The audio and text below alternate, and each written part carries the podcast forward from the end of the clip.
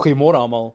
My naam is Rian en ek is van Hoeksteen Gemeente. Welkom by Getuienis vir die dag. Baie geluk aan almal wat vandag verjaar en 'n huweliksherdenking vier. Ek bid God se rykste seën oor jou en jou familie.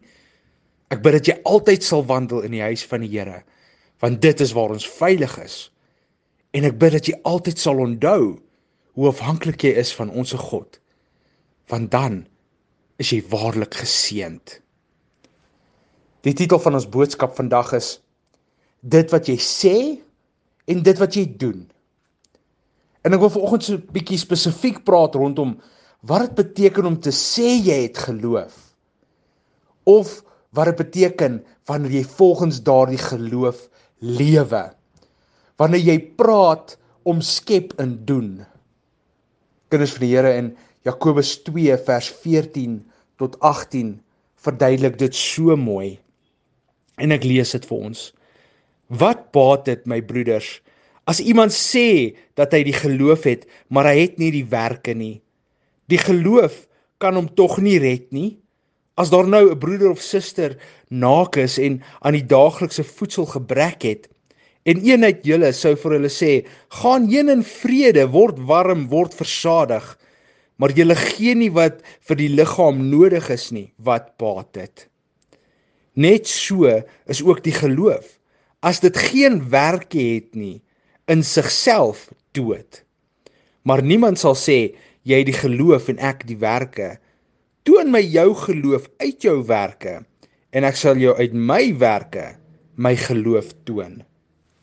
Ek wil dit graag vir ons in Engels ook lees. James 2 verses 14 to 18. What doth it profit my brethren Though a man say he hath faith and have not works, can faith save him? If a brother or sister be naked and destitute of daily food, and one of you say unto them, Depart in peace, be ye warmed and filled, notwithstanding ye give them not those things which are needful for the body, what doth it profit? Even so, faith, if it hath no works, is dead, being alone. A man say, Thou hast faith, faith, and I have works. Show me, show me thy faith without thy works, and I will show you my faith by my works. Kinders van die Here, ek het so drie punte wat ek wil maak oor hierdie oor hierdie stukkie. Eerstens, so baie keer sê ons ek wag op die Here.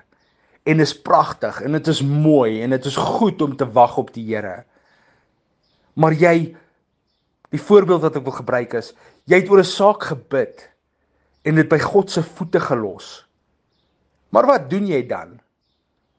Gaan jy uit en lewe nog steeds asof daardie saak heers oor jou? Daardie saak 'n sê het oor jou?